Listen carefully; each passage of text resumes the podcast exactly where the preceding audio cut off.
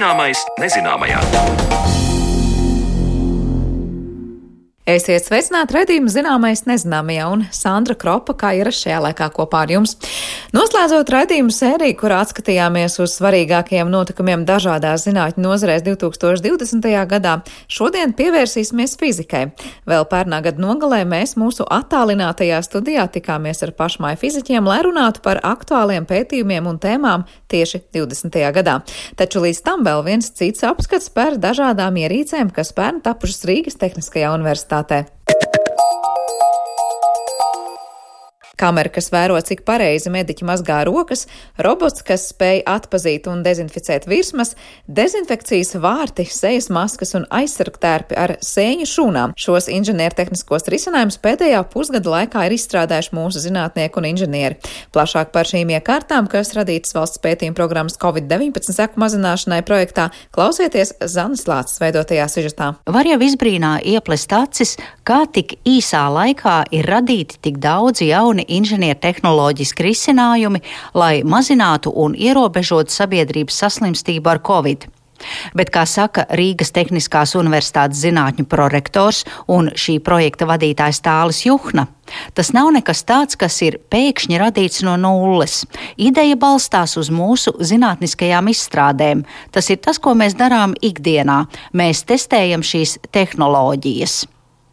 Sadarbojoties kopā deviņām iestādēm - Rīgas Tehniskai universitātei, Rēzeknes Tehnoloģija akadēmijai, Latvijas universitātei, Elektronikas un datorzinātņu institūtam, Latvijas Organiskās sintēzes institūtam, Latvijas Universitātes Cietvielu fizikas institūtam, Latvijas Biomedicīnas pētījumu un studiju centram, Rīgas Stradiņu universitātei un Latvijas valsts koksnes ķīmijas institūtam. Ir izveidotas gan robotizētas iekārtas, gan arī jauna veida aizsargtērpi mediķiem un sejas maskas. Tālis Juhna stāstu sāk par iekārtu gaisa dezinfekcijai, kurā tiek izmantots ultravioletais starojums, kas nekaitē cilvēkam, ja viņš dezinfekcijas laikā atrodas šajā telpā. Skaidrs, ka cilvēkam uzturoties telpās, vīrusu var izplatīties arī pa gaisu aerosolu veidā. Un, ja mēs, piemēram, telpā varam ievietot iekārtu, šī gadījumā izmantojot ultravioleto starojumu, šo vīrusa koncentrāciju ievērojami samazināt, tad parasti šie risinājumi ir tādi, ka jūs ieliekat iekārtu un pēc būtības tajā brīdī, kad notiek dezinfekcija, jūs nevarat atrasties telpā. Bet eh, šis risinājums, kas ir piedāvāts projekta ietvaros, ir iekārta, kad tiek veikta gaisa dezinfekcija laikā, kad cilvēki atrodas telpā. Tātad, tas nozīmē, ka pēc būtības jūs paņemat gaisu ar tādiem sūkņiem, viņu laižat cauri tādai kā kolonnai. Un iekšā šajā kolonnā ir ievietotas ultravioletā starojuma lampas, kuras arī tika izstrādātas projekta ietvaros. Tad, tad arī ir specifiski materiāli veidots. Un tad jūs principā varat pusstundas laikā šo tēlu pilnībā attīrīt. Nu, cik nu pilnībā, jā, 99,9% jūs varat attīrīt no mikroorganismiem, kas ir telpā, un tā skaitā arī vīrusiem.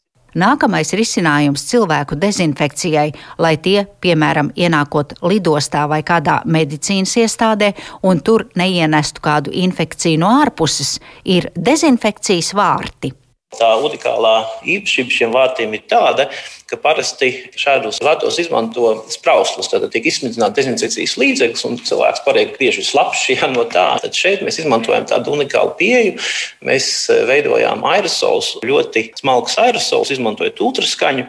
Kā rezultātā cilvēks principā izējot cauri, viņš saņem pietiekami lielu dezinfekcijas dozu, lai attīrītu virsmu no mikrobiem, un tajā pašā laikā viņa drēbes nepaliek slapjas. Vienā no zināmais nezināmajā raidījumiem jau esam stāstījuši par telpu uzkopšanas robotu, kas tika radīts šī projekta Covid-19 seku mazināšanai ietvaros. Šī ierīce, kas ir automatizēts un robotizēts aprīkojums gaisa un virsmu dezinfekcijai, jau tika izgatavots krietni agrāk citos projektos, bet sākoties Covid-19 pandēmijai, šis robots tika aprīkots ar papildus iekārtām un mehānismu, piemēram, automātiskām sprauslām, kas izsmidzina dezinfekcijas šķīdumu. Ierīce ir tā teikt apmācīta, lai tā atpazītu virsmas, kuras ir jāapsmidzina. Tas nozīmē, ka jums, piemēram, ir garš koridors, tad jūs palaidat to robotu, uzliekat programmu un ejiet dzert kafiju. Tas robots iziet pa šo koridoru, un tas, kas ir unikāls šai iekārtai, tas, kad jūs varat pateikt specifiski, ko jūs gribat, lai tas robots notīra. Nu, teiksim, jūs sakat, eh, specifiski rokturi, kas ir eh, viena no šīm vietām, kur parasti notiek infekcijas pārnešana. Tad robots tiek apmācīts atrast rokturus šajā garajā koridorī un attīrīt, dezinficēt specifiski tikai rokturus vai tikai, piemēram, durvju kaut kādu to laukumu. Jūs viņu varat nomērķēt uz kaut kādu konkrētu uzdevumu veikšanu. Tad nevis viņš vienkārši iet un tīri pēc kārtas, bet viņš specifiski tiek mērķēts uz noteiktu objektu, kur viņš attīra un iet tālāk, attiecīgi, un iziet cauri, atgriežas atkal sākotnējā stāvoklī, jūs iepildat dezinfekcijas līdzekli un šo funkciju var atkārtot Skatot tālāk inženiertehniskās iekārtas, Tālis Juhna min viedo kameru, kas seko, cik rūpīgi mediķi mazgā rokas pirms saskars ar pacientu.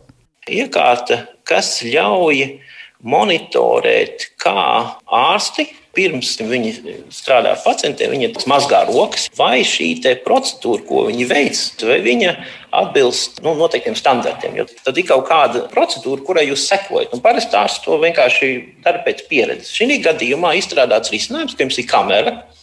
Šī kamera var tikt iestrādāta arī datorā, vai viņi var iestrādāt telefonā, kur jūs noliekat virs izlietnes, un jūs ieslēdzat uh, ūdeni, mazgājat rokas, un kamera seko cik pareizi jūs veicat šīs darbības. Un tikai tad, kad šīs darbības izdarītas, tad, protams, jūs nomazgājat visas virsmas, viņi iedod zaļo gaismu, ka rokas tīras, jūs varat doties tālāk uz operācijas zāli. Bet arī šeit tika izmantots mākslīgais intelekts, kas, protams, tiek apmācīts uz vairākiem roku veidiem, kā jūs saprotat, dažās dažādas situācijas, jā, bet tas arī tika notestēts un, un parādīja, ka tas ir pietiekami efektīvs un vienkāršs veids, kā mēs varam kontrolēt šo procesu, roku mazgāšanas procesu. Jauns risinājums, kā iznīcināt vīrusus un baktērijas, ir arī speciāls pārklājums, ko uzklāja uz virsmas, un tur šis pārklājums darbojas pret mikroorganismiem gan ķīmiski, gan arī mehāniski. Ja jums ir piemēram uz rokām ir vīrus vai baktērija, jūs pieskarieties šai virsmai, dažādu procesu ietekmē, šīs mikroorganismas iet bojā. Šīs virsmas tika izstrādātas divu veidu. Vienas ir, kuras var likt uz caurspīdīgiem materiāliem, piemēram, uz brillēm, aizsargbrillēm vai uz šiem vizieriem. Tā pamatā ir vara, savienojumi, kas ir eh, saistīti ar Wolframu, un tā rezultātā viņš ir caurspīdīgs. Rezultātā jūs varat panākt to, ka jūs varat uzklāt viņu un cilvēks var caur redzēt šai virsmai. Otra virsma ir, kas ir necaurspīdīga virsma, tad viņu parasti var likt uz rokturiem. Mēs arī notestējām to uz rokturiem, uz pildspalvām, nezinu, uz, uz galda virsmām, kuras pamatā ir uh, divējāda iedarbība uz mikroorganismiem. Viens ir uh, ķīmiska iedarbība, tur veidojās tādi radikāļi, kas attiecīgi organisko materiālu sagrauj, tā skaitā arī mikroorganismus, uh, baktērijas un vīrusus. Un dubultais ir tas, ka šai Virsmai ir specifiska mehāniska iedarbība caur nanomateriālu uz šūnu apvalku, un tādā veidā tiek traumēts arī šūnu apvalks mehāniski. Tiksim, klasiskā problēma ir, kad eh, ar laiku mikroorganismi pierod pret dažādiem dezinfekcijas līdzekļiem, viņiem radās rezistence. Jā. Nu, šī gadījumā rezistence pret mehānisku iedarbību nevar rasties. Jā. Tad ir kā dubult mehānisms, kā mēs varam iedarboties uz mikroorganismiem. Minētā projekta gaitā mūsu zinātnieki arī ķērās klāt medicīnas darbinieku aizsargtērpiem.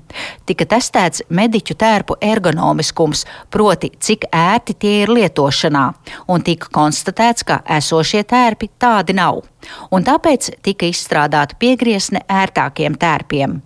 Līdzās tam tika meklēti arī risinājumi labākai sejas aizsargmasku izstrādei, un sadarbībā ar Koksnes ķīmijas institūtu tika radīta maska, kura sastāvā ir sēņu hifas jeb smalki sēņu šūnu pavadieni tika pārbaudīti dažādi materiāli, kuri varētu tikt maskās izmantot kā filtri. Jo saprotat, ka maskām tad, tad, attiecīgi viņam ir eh, poras, ja cauri, un tad šis filtra materiāls ir iestrādāts kā slānis viens, un tika pārbaudīts šis slānis, kas varētu tikt eh, radīts no dabas materiāliem, proti tie materiāli, kuri pēc tam var noārdīties dabiski. Ja? Nu, mēs pārbaudījām vairākus, un viens no tādiem interesantākiem bija, ka radīts materiāls, kur iegūst no sēnēm, no sēņu hifām, tad tā sēnes, kas aug mežā, ja? tad viņas attiecīgi tika speciāli apstrādātas un iegūts materiāls, kuram ir labas filtrēšanas spējas, tad viņš var nofiltrēt vīrusu, un te pašā laikā viņš, teiksim, mēnešu laikā, ja jūs izliekat viņu atkritumu kastē, viņš noārdās pakāpeniski. Līdz ar to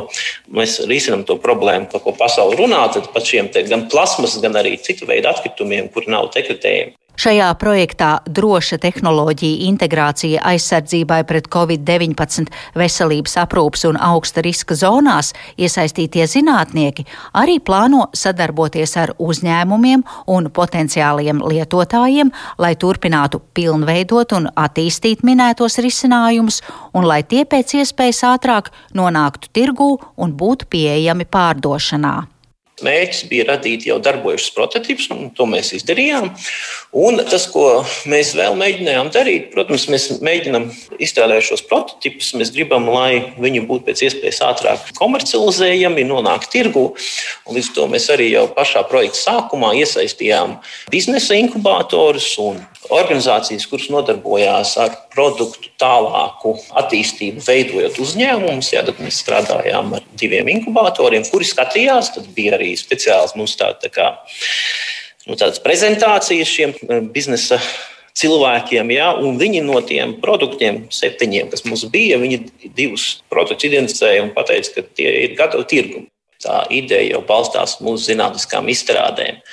Un tas, ko mēs darām ikdienā, mēs nu, tās tehnoloģijas, kuras pēc tam var tikt komercializētas, mēs viņus laiku testējam. Ja, un šis projekts dod iespēju tieši parādīt esošo izstrādņu nu, vajadzību, pielietojamību un turpināt attīstīt tālāk jau viņu kā pētniecisku virzienu. Vienā sakot, tā galvenā pievienotā vērtība ir ka mēs tās savas iemaņas, kas ir izstrādātas gadu laikā, esam spējuši nodemonstrēt jau pārvēršot viņus jau pielietojamos prototipos un turpināt attīstīt tās iestrādes, kas ir, nu, kas ir radušās. Par dažādiem inženiertehniskajiem risinājumiem cīņā pret covid-19 stāstīja RTU zinātņu prorektors un šī projekta vadītājs Tāls Juhna, un ar viņu sazinājās mana kolēģe Zani Lāce. Bet par pagājušā gada nozīmīgākiem notikumiem fizikā mēs runāsim raidījuma turpinājumā.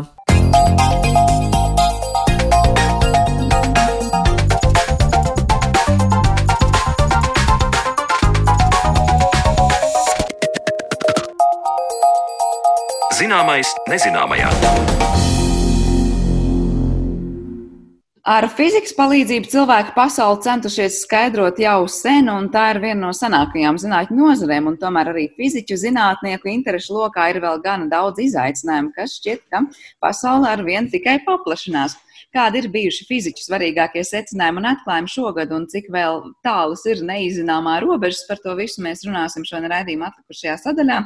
Jo mūsu studijā nosacītie esam aicinājuši Latvijas Universitātes fizikas, matemātikas un optometrijas fakultātes profesoru Vjačeslavu Kašķēju, kā arī Rīgas Tehniskās Universitātes vadošo pētnieku un daļiņu fizikas doktoru Kārli Dreimanu. Labdien jums abiem! Labdien! Labdien. Vispirms vaicāšu jums, kāds jums liekas šis gads ir bijis fizikā, jo mēs šogad, protams, visi runājam par to, ka gads ir bijis citādāks kā, kā ierasti pirms tam. Uh, Protams, Covid ir darījis savu un mūs ir pārcēlis dzīvē attālinātajā režīmā, vai tas ir ietekmējis arī fiziķu lauciņu? Jā, Česlav, varbūt sākšu ar tevi. Oh. Kā teorētiķim man personīgi bija vieglāk uh, attālināt, pārkārtot savu zinātnisko darbību. Es domāju, ka tās uh, ietekme uz uh, eksperimentiem būs, protams, redzama ilgtermiņā. Šogad varbūt tie zinātniskie rezultāti, kas tikuši verificēti, nopublicēti un, un varbūt iezīmē šo, tieši šo gadu, tie vēl lielākoties balstās uz mērījumiem, kas uh, tikuši uh, veikti normālos apstākļos un tāda uh, sajūta kopienā ir, ka nu, uh, ir iespējas beidzot uh, pievērsties uh, rezultātu apkopošanai, rakstu rakstīšanai un kaut kāda ilgāka termiņa plānošanai. Kā, vēl gad, gada ietvarā nedomāju, ka tas ir būtiski ietekmējis to, ko mēs šodien varam jau kā kādus. Um, kopsavilkumu gadam novilkt. Bet es nezinu, kā tas Kārlim izskatās, kā, kā eksperimentētājam. Jā, tā, tā, tā viņš ir, ka teorētiķiem tas varētu būt mazliet vieglāk. Um, pavisam godīgi sakot, runāt par jebko šogad, nepieminot Covid, patiešām nav iespējams. Tas absolūti nav, nav nekā izdarāms. Bet uh, varbūt mums tiešām noveicas ar to, ka šogad, un arī lielākoties nākamā gada, piemēram, lielais kadrona pātrinātājs ir izslēgšanas režīmā. Tad mēs nodarbojamies ar šīs mašīnas uzlabošanu un, un lietu sakārtošanu, un, kā Vjačeslavs minēja, datu apkopošanu. Un līdz ar to, to datu vākšanu šis gads nav ietekmējis. Taču, protams, tad, kad jā, jāstrādā ar rociņām, kas arī notiek ļoti daudz šobrīd cernā, tad eh, šis gada vidū atnākušais eh, pasākums nozīmēja ārkārtīgi lielu kā, eh, pārstruktūrizēšanu laika skalu. Tā skaitā pātrinātāja izslēgšanas laiks ir pagarināts par aptuveni deviņiem mēnešiem šobrīd. Um, bet, godīgi sakot, tas, ko, manuprāt, pierādīja šis gads fizikā, eksperimentālajā fizikā visvairāk, ir to, cik ārkārtīgi uh, spējīgi cilvēki ir pārstruktūrizēt visu savu darbu un joprojām panākt uh, nepieciešamos rezultātus. Uh, Lai arī mēs teorētiski pazaudējām veselu gadu, mēs esam šo zaudējumu samazinājuši, joprojām strādājot, kā mēs esam strādājuši. Um, no fizikas rezultātu viedokļa, jā, atkal, kā Vjačslavs teica, mēs nodarbojamies ar to rakstu publicēšanu un datu analīzi, bet arī šajā virzienā gads ir bijis salīdzinoši kluss. Uh, es, protams, visvairāk runātu par tieši daļiņu fiziku. Uh, ir pāris rezultāti, kas ir iznākuši, kas ir interesanti, piemēram, uh, Higgsa bozona eh, sabrukšanas process uz eh, muoniem. Tas ir pirmais rezultāts, kas parāda to, ka šis bozons var sabrukt arī uz tā saucamo otro paudzi daļiņu. Tad mums ir bijuši pāris lietas no LHCB arī. Iepriekšējais rezultāts ir no CMS un Atlas. No LHCB mums ir tas, ka mēs esam pierādījuši, ka um, asimetrija starp matēriju un antimatēriju uh, ir patiešām tā uh, saucamais time dependent, tātad atkarīga no laika, jeb fluktuē laikā. Uh, tas ir mērījums, kas tika veikts uz B mezoniem, kuri starp savu daļiņu un antidaļiņu fluktuē, uh, jeb nu, vibrē ar frekvenci, kas ir uh, trīs reizes miljons reizes miljons hercu. Tātad trīs reizes 10, 12 herciem. Un šo tad, uh, mēs arī izmērījām šogad. Bet citādi, jā, mēs strādājam vairāk uz detektoru uzlabošanu un, un, un, un, un, eh, un jā, ejam uz priekšu ar to, kas ir paredzēts nākamajos gados. Jā, man uzreiz Kārlim jautājums, ko tas nozīmē, tas viss sarežģītais, ko, ko izdevās nomērīt, vai var teikt, nu tad ir atvērts kaut kāds jauns lokus uz jaunu saprašanu un kaut kas fundamentāls un jāpārskata līdzinējie priekšstati, vai gluži otrādi ieraudzīts kaut kas, kas līdz šim vispār bija nezināms, vai tā ir tāda fizika ikdiena, kas bija rutīna. Uh, jā, atbilde šo jautājumu ir mazliet uh, antiklimaktiska. Ja? Es pieļauju, ka Večslavs piekritīs, ka ir mazliet uh, garlaicīgi tas, ka šis, piemēram, Higgsa mērījums vēl vairāk pierāda, ka šis ir tas mūsu standarta modeļa Higgs, kas visu padara mazliet mazāk interesantu. Mēs, kā eksperimentālisti, parasti tieši gribam redzēt kaut ko, ko mēs negaidījām. Bet tas, ko mums izdodas izmērīt, ir labāk un labāk un labāk izmērīt lietas, ko mēs esam sagaidījuši kas savā ziņā ir viena no visinteresantākajām lietām pēc būtības, bet, bet kaut kā šķiet tomēr mazliet uh, garlaicīga tādā ziņā, jo uh, standarta modelis, daļiņa fizikas standarta modelis joprojām turās, un mēs viņu vienkārši nespējam salauzt. Un mums laikam vajadzēs teorētiķu palīdzību, lai viņu atrastu jaunus ceļus, kā viņu salauzt. Es tieši gribēju vaicāt Jačslavam, vai tā ir laba ziņa vai slikta ziņa teorētiķiem, ka eksperimentātori saka, nu mums no vienas puses ir labi, ka mēs izmērījām un viss ir tā, kā domājam, bet no otras puses žēl, nu, gribējās ko jaunu. es domāju, galvenā ziņa ir tāda, ka uz fiziku nav jāskatās tādā šaurā skatījumā, ka tā ir elementāra daļiņa fizika, un tāpēc noklusējuma fiziķu uzdevums ir izzināt kaut ko ārpus standarta modeļa. Standarta modelis ar mums ir bijis 50 gadus, un tas ir saskaņā ar visu līdz šim eksperimentāli novērot, bet vienīgais veids, kā iegūt jaunu fiziku, ir veikt mērījumus. Ja? To neviens nekad neatcels. Un ir CERN eksperimenti, ir ļoti interesanti eksperimenti, kas mēģina kā reiz zemo enerģiju daļiņas bet ļoti reti detektēt un arī pārbaudīt, vai nav kādas anomālijas. Bet šī anomālija meklēšana pa perimetru, tā, nu, varbūt, ja mēs tikai uz to skatāmies, tad tas novērš mūsu skatu uz to, kur savu laiku pavada, es atļaušos teikt, 99% fiziķu, eksperimentātoru un teorētiķu.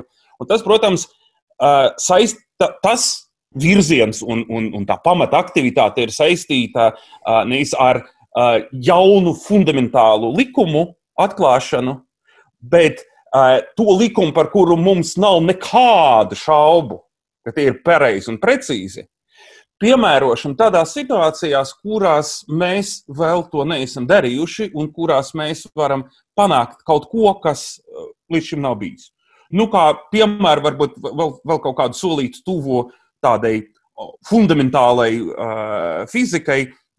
Iepriekšējā gadā mēs daudz esam runājuši par, un arī laiku pa laikam, man liekas, pēdējos gados mēs runājam par gravitācijas fiziku un iespēju detektēt uz Zemes tiešā veidā gravitācijas viļņus, kas atkal ir brīnišķīgs piemērs teorētiskai, parā, teorētiski paredzētai parādībai, par kuru nu, būtu ļoti liela pretruna pasaulē, ja tā neeksistētu, bet tiešā veidā to izmērīt vienmēr ir, ir augstais sasniegums. Tad, lūk, tas ir prasījis gadu desmitiem izveidot visjūtīgākos detektorus. Kādreiz par to gravitācijas viļņu detektoru runā kā par visjūtīgāko mikrofonu. Tas vismazākās masas nobīdes, ko izraisa tieši kosmiskie gravitācijas viļņi, atšķirtu no triviāliem trokšņiem, nelieliem zemestrīcēm vai, vai kravas mašīnas daudz kilometru attālumā esošas šoseis.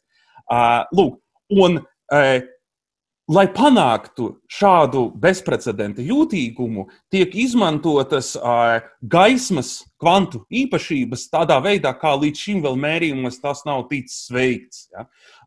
Nu, droši vien par kvantu fiziku iespējams tas, ja, ja kāds kaut ko zina, tad tas, ka nevar būt pilnīga noteiktība. Ja mēs zinām ļoti precīzi attālumu starp spoguļiem, mēs nevaram precīzi zināt to uh, spiedienu, ko gaisma uz tiem spoguļ, spoguļiem uh, izraisa un otrādi. Un, lūk, pētniekiem ir izdevies uh, uh, ar zināmu viltību panākt šo mērīšanas precizitāti precīzāk nekā šī uh, tādā vienkāršai gaismai, ne īpašajā kvanta stāvoklī esošajai gaismai ir ir attiecināma. Un tad šādas, te,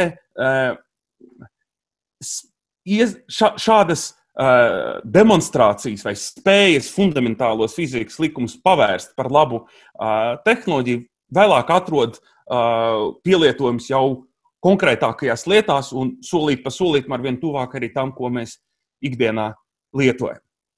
Jā, es gribēju jums vaicāt, nu, te jau mazliet ieskicējās tas pielietojums ikdienā. Tas parāda, ka nu, pētījums vienā jomā var nest augļus pavisam citā jomā. Tomēr, vai fizikā šogad, ja jūs tādu skatītos uz tām lietām, nu, ko kolēģi pasaulē ir darījuši, ir tādas topa jomas, nu, kurā vairāk pievēršas? Vai tas skats ir vērsts tagad uh, kosmosa izpētes virzienā un kaut kādu patiesību pierādīšanā vai apgāšanā, vai tas ir kaut kas ļoti, ļoti praktisks un, es nezinu, tepat medicīnā uz zemes lietojams vai kaut kas cits? Nu, es, es, es no savas eh, varbūt, eh, puses varu komentēt. Tad, par kosmosu cilvēki interesēsies un runās vienmēr, un tas ir kaut kas tāds ļoti iedvesmojošs un aizraujošs. Ļoti plaša joma, tāda nu, arī starpdisciplināra joma, kur fiziķi dod ieguldījumu, ir materiāla zinātne un spēja nu, tādiem dizaineriem veidot nosacījumus, lai tās elementāri daļiņas kristālā izplatās pavisam savādāk nekā vakumā. Piemēram, ja Kārlis Cernā, nu, tur viņam ir ikdiena tas, ka no, no vakuma, tāda kāds viņš ir, dieva dots, tiek izsisti, izsistas daļiņas un antidaļiņas. Nu, pat man liekas par tiem B mezoniem un antimezoniem, kādas ir pieminējis. Mēs ikdienā, šobrīd es jums skatos uh, monitorā, kurā to gaismu rada uh, ļoti maza izmēra gaismas diodes. Gaismas diodēs visu laiku notiek elektrības daļiņu un antidaļiņu anihilācija, pārvēršoties gaismā. Tikai tur tas enerģijas daudzums ir ļoti maigs un rada redzamās gaismas daļiņas. Savukārt, cerna pātrinātāji, nu, elektroniem ar pozitroniem anihilējot, rada ļoti negantus uh, gamma starus, no kuriem ir, ir jāpiesargājas un jāizolē. Tātad šī spēja būt nu, tādiem tā kā dieviem, un radīt savus vakumus, savas nelielas elementāra daļiņu pasaules, kurās mēs varam piemeklēt līdzsvaru starp dažādu veidu, kā kādas elektriskas un optiskas aktivitātes var vielā noteikt, var panākt nu, tādus brī, brīnumu materiālus un, un brīnumu lietas. Ja? Un kādā ziņā pie brīnumiem pierod visātrāk. Ja? Tāpat tās pašas gaismas diodas, eh, kuram eh, fundamentālais princips bija zināms eh, jau ļoti sen, kopš, kopš 50. gadiem, bet, lai padarītu to par tehnoloģiju, kura nu, ir mainījusi pasauli, vajadzēja paiet vairākiem gadu desmitiem. Kaut kādā ziņā līdzīgi kā ar, ar standarta modeli un gravitācijas viļņiem, jo ļoti bieži tā tas evolūcijas ceļš, kādā mēs nonākam līdz kaut kam patiešām nozīmīgam, tas vairs sen kā nav tāda vienas spilgtas personības vai viena zinātniska raksta rezultāts. Tas ir tāds pakāpenisks process, kurā mēs, protams, priecājamies par katru nu, tādu būtisku nākamo sasniegumu, bet skatīts atsevišķi no tā pilna konteksta, tas var izraisīt tādu zināmu vilšanās sajūtu, par ko mēs arī esam runājuši, kas ir, manuprāt, tāds izaicinājums runāt par fiziku konkrēti 21. gadsimtā, tad uzreiz cilvēkiem varbūt gribas salīdzināt ar fiziku 19. gadsimtā. Bet tas bija kaut kāds ļoti, ļoti, ļoti atšķirīgs laikmets un izziņas veids. Nezinu, kā, kā Kārlim sajūta. Jā, jau šo pēdējo punktu es gribētu absolūti piekrist Vjačeslavam. Viņam ir absolūti taisnība par šo. Uh, to mūsu aprindās parasti sauc par uh, tabletop, jeb galda virsmas eksperimentu ēru, kura sen ir beigusies. Uh, lai arī, protams, ir daži eksperimenti, kurus spēj veikt cilvēki, tiešām nu, trīs, četri cilvēki un uztaisīt kaut ko jaunu, ja, tad lielākoties pilnīgi viss progress notiek pakāpeniski, solīt pa solītam, pilnīgi visos fizikas lauciņos, no kosmosa līdz, līdz, līdz materiāla zinātnē. Un tas viss vienkārši tiek veikts tā, ka, ka viena grupa atrod mazu interesantu anomāliju kaut kādā konkrētā, teiksim, kristāla režģī, un nākamā grupa paņem šo anomāliju un no viņas veids kaut kādu uh, Uh, jaunas, kā Večslavs teica, diodes, uh, F, um, uzlabotas diodes, izstrāde un tā tālāk. Tā joprojām.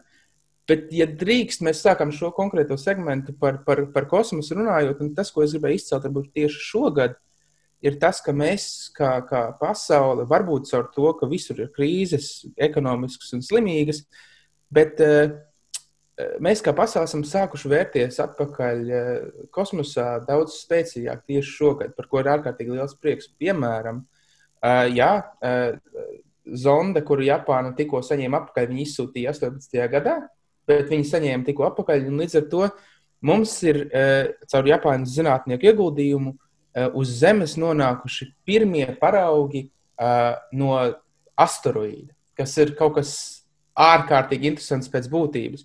Un, un tas, kā šie paraugi mums palīdzēs vai nepalīdzēs izskaidrot solārs, solārās saules sistēmas izveidas procesu, to mēs redzēsim arī tagad, nākamo gadu laikā. Tāpat NASA beidzot ir sākusi vērties atpakaļ mēnesis virzienā, par ko arī ir ļoti liels prieks, ar, ar mērķi 24. gadā uh, atkal nonākt uz mēnesi, un šoreiz apsolot arī uh, sieviešu cilvēku dalību, par ko arī ļoti liels prieks. Um, mums viss šis kosmosa padarīšanas, vai tas ir caur uh, Jeffu Bezosu vai Ilonu Masku, bet valdības ir beidzot sākušas saprast, ka viņiem jāsāk tomēr atkal strādāt, citādi privātais sektors viņu, viņus apdzīs. Un par to tiešām ir ļoti liels prieks. Es saprotu, arī uz privātā sektora pleciem parasti liek arī liels cerības, kā nu beidzot viss kļūst ērtāks, lētāks un pieejamāks. Bet nevēl Kārlis pieminēja par, par šo kosmosu. Šī gada Nobela prēmija fizikā arī bija par melnajiem caurumiem. Vai var teikt, ka tas ir tomēr nu, tā tāds šī brīža tāds top izpētes lauciņš, jo fizikā tā Nobela prēmija taču varēja būt par jebkuru citu pētījumu. Kāpēc tieši kosmosa atkal izcelts? Nu, es domāju, ka Nobeļa prēmija arī kā kultūras fenomens, tā jau nevienmēr atspoguļo tieši, kas tajā gadā ir atklāts. Tam ir jābūt kaut kam izcili ārkārtējam un sen gaidītajam, vai kā reiz eh, absolūti negaidītajam, lai Nobeļa prēmija izpildītos jau tieši pēdējā vai dažos pēdējos gados eh, veikts eh, pētījums.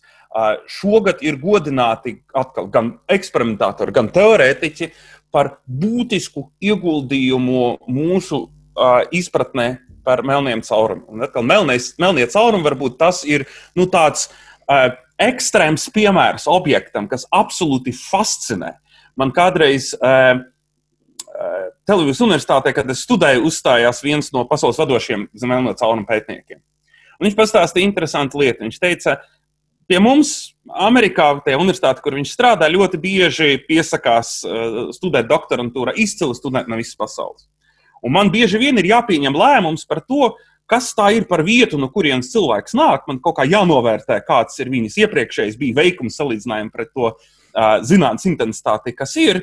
Uh, ļoti ierobežots uh, informācijas pamatā.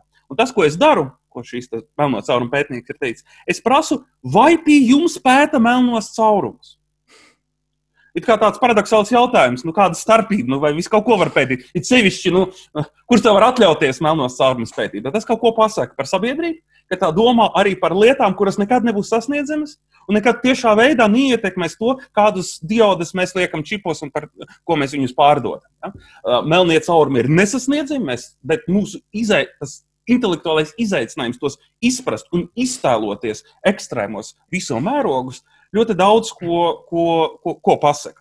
Un tādā ziņā man arī ir liels prieks, ka Latvijā, nu, varbūt ar melniem caurumiem, gluži neviens profesionāli nenodarbojas, bet Latvijā sāks tā skaitā arī kolēģi, jo tā skaitā klātesoša Kārļa pūliņiem pētniecība par fundamentāliem elementāru daļu fizikas jautājumiem. Ja? Jo tas ir atkal kā tāda dzirksts kā garšviela, kurai nav jābūt, nu, tā nav jāvelta pārmērīga resursa. Ja, bet tā ir ļoti svarīga, lai tas uh, intelektuāli izaicinājuma amplitūda būtu. Būtu pilna. Bet atgriežoties pie melniem caurumiem, tātad eksperimentatoriem ar to diviem atkal, uh, vīram un sievai no divām konkurējošām, savstarpēji papildinošām un apstiprinošām komandām, kas ļoti ilgstoša mērķiecīga darba rezultātā, novērojot infrasarkanajā diapazonā galaktikas centru, tur to daļu, no kuras nenāk parastā redzamā gaisma uh, lielo putekļu mākoņu dēļ, bet kur var pateicoties ši, šai infrasarkanās gaismas, nu, tādai lielākai uh, spēju uh, iziet, iziet tiem putekļiem cauri, var ar ļoti lielu palielinājumu saskatīt zvaigznes, kas vistuvāk pašam, pašam centram. Un viņam ir izdevies eksperimentāli, neatkarīgi no teorētiskiem apsvērumiem, uh, pierādīt, ka tas objekts, kurš ir miljoniem reižu smagāks par Sauli no vienas puses, no otras puses ir tik kompakts, ka vistuvākais attālums, kurā līdz tam var pienākt zvaigzne, ir kaut kāds 140 attālumi starp Zemi un Sauli. Tas nozīmē, ka vienīgā iespēja tik milzīga masas koncentrācija būt, tur būt melniem caurumam. Ja, tas ir tāds izaicinājums, un tas arī ir ļoti interesants uh, nu, tāds ceļš, jo, jo starp šo fundamentālo un lietišķo visu laiku ir tāda ļoti skaista saspēle. Lai šādu fundamentālu atklājumu veiktu, bija nepieciešama uh, tāda pakāpeniska tehnoloģijas pilnveida un evolūcija, kas ļāva iegūt skaidru bildi par spīti uh, atmosfēras virmošanai. Tā uh, saucamā adaptīvā optika bija absolūti izšķiroša, lai šo atklājumu varētu veikt. Un savukārt iegūt skaidru attēlu lielā attālumā vai infrasarkanē diapazonā, nu, tas ir arī ļoti praktisks un ļoti svarīgs izaicinājums gan civilajā, gan militārajā jomā. Un tā, funda, tas izaicinājumi fundamentālajā fizikā izmērīt kaut ko vāju vai retu, dot stimulu attīstīties tehnoloģijām, savukārt tehnoloģiju sasniegumi, ka tie ir nobrieduši, ļauj pavirzīties soli dziļāk tādos tik fundamentālajos jautājumos. Jā, un arī tikko piesaukt adaptīva optika, arī es domāju, te varētu būt piemērs piemēra galā par to, kur tas tālāk ir izmantojams un, var teikt, cilvēku dzīves kvalitāti uzlabojoši. O, nu, nu, nu, nāk, nākamais solis, manuprāt, kas arī tas varbūt ļauj man arī pieskarties kaut kādai ļoti, ļoti aktuālai jomai, kur ļoti daudz resursu tiek ieguldīti, ir šo te uh, atkal kvantu fizikas likumu padarīšana par uh, eksploatējumu un izmantojumiem praksē. Un, uh, tas vienīgais kvantu daļiņu veids, ko var pārsūtīt lielos attālumos, nezaudējot viņu šīs kvantiskās īpašības, ir kā reiz gaismas daļiņas. Bet tad ir jāsūta ļoti, ļoti vāja gaisma. Tā saucamai uh, kvantu komunikācija ir nepieciešams pārraidīt atsevišķas gaismas daļiņas. Tas nozīmē, ka tajā uztverēja pusē tur ir jābūt teleskopam, kurš ir spējīgs nofokusēties tieši uz to ļoti, ļoti vājo signālu, kuru šoreiz nerada kaut kāda zvaigzne um, piena ceļa uh, centra tuvumā, bet to rada ļoti precīzā veidā novājināts un nomodelēts lāzeris, un tad tas punktiņš jāspēj saskatīt kvantu līmenī, un tieši tur ir ļoti, ļoti piemērota tā pati adaptīvā optika. Ja, un, teiksim, Eiropai ir nākamajā desmitgadē, kā reiz šogad, nu, pieteikts plāns par tā saucamo kvantu internetu, kas nodrošina šo te, kvantu daļiņu apmaiņu starp pavadoņiem.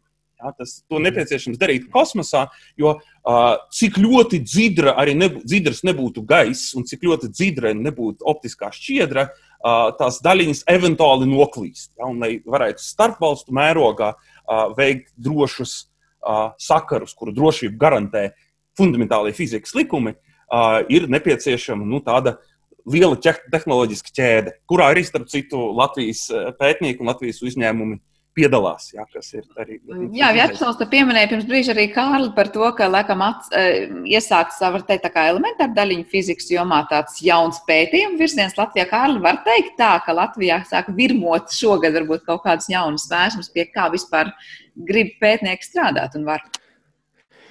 Jā, šis gads ir bijis uh, reizē gan ļoti īss, gan ļoti garš dažādu iemeslu dēļ, tajā skaitā šī iemesla dēļ. Uh, jā, tas, ko mēs esam uzsākuši, sadarbojoties ar RTU un arī LU, ir, ir diezgan plaša mēroga gājiens šajā cenu virzienā un, un, un uh, hadron, lielā hadrona pātrinātā eksperimenta virzienā.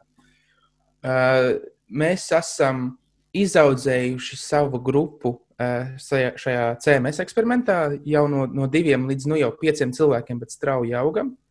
Bet varbūt kas ir daudz svarīgāk par šo fundamentālo pētīšanu pašu, ir tas, ka mēs esam jau diezgan tālu tikuši procesā, lai izveidotu doktorantūras programmu augstas enerģijas fizikā un pātrinātāju tehnoloģijās, kas būtu tad doktora programma starp divām vadošajām universitātēm Latvijā, Rīgas Tehnisko universitāti un Latvijas universitāti, kas ir kaut kas, kas ir diezgan nebijis mūsu valstī. Ir dažas programmas, ko šīs universitātes veids kopā, bet tās ir tad uh, maģistra, laikam, un bakalaura.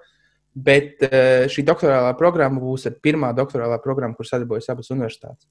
Tāpat caur uh, lieliem šī augstenerģijas fizikas centra un, pātrinātā tehnoloģija centra pūliņiem, it sevišķi to motoriem pūliņiem, Latvija ir spērusi milzīgus soļus pretim iestāšanās procesam CERNā, kā asociētā dalībvalsts, kas tad mums atvērs, tiešām atvērs durvis Latvijas zinātnē, Latvijas industrijai, Latvijas visam dalībai visā, kas notiek šajā, šajā zinātnes centrā.